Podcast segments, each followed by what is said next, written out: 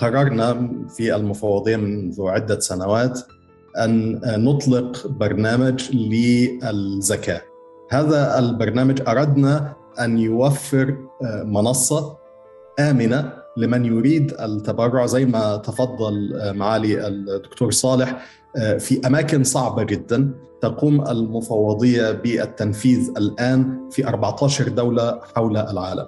هذا على الرغم من أن المفوضية تعمل في 132 دولة.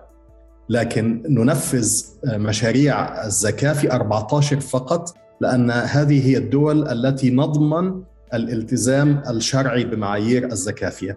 حصلنا على 11 فتوى حتى الآن لدينا 11 فتوى من جهات مختلفة من الشرق ومن الغرب ومن المجامع الفقهية الكبرى جميعها في العالم الإسلامي.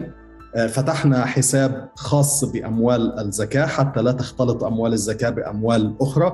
ثم قررنا في المفوضية أن نتنازل بالكامل عن المصاريف الإدارية.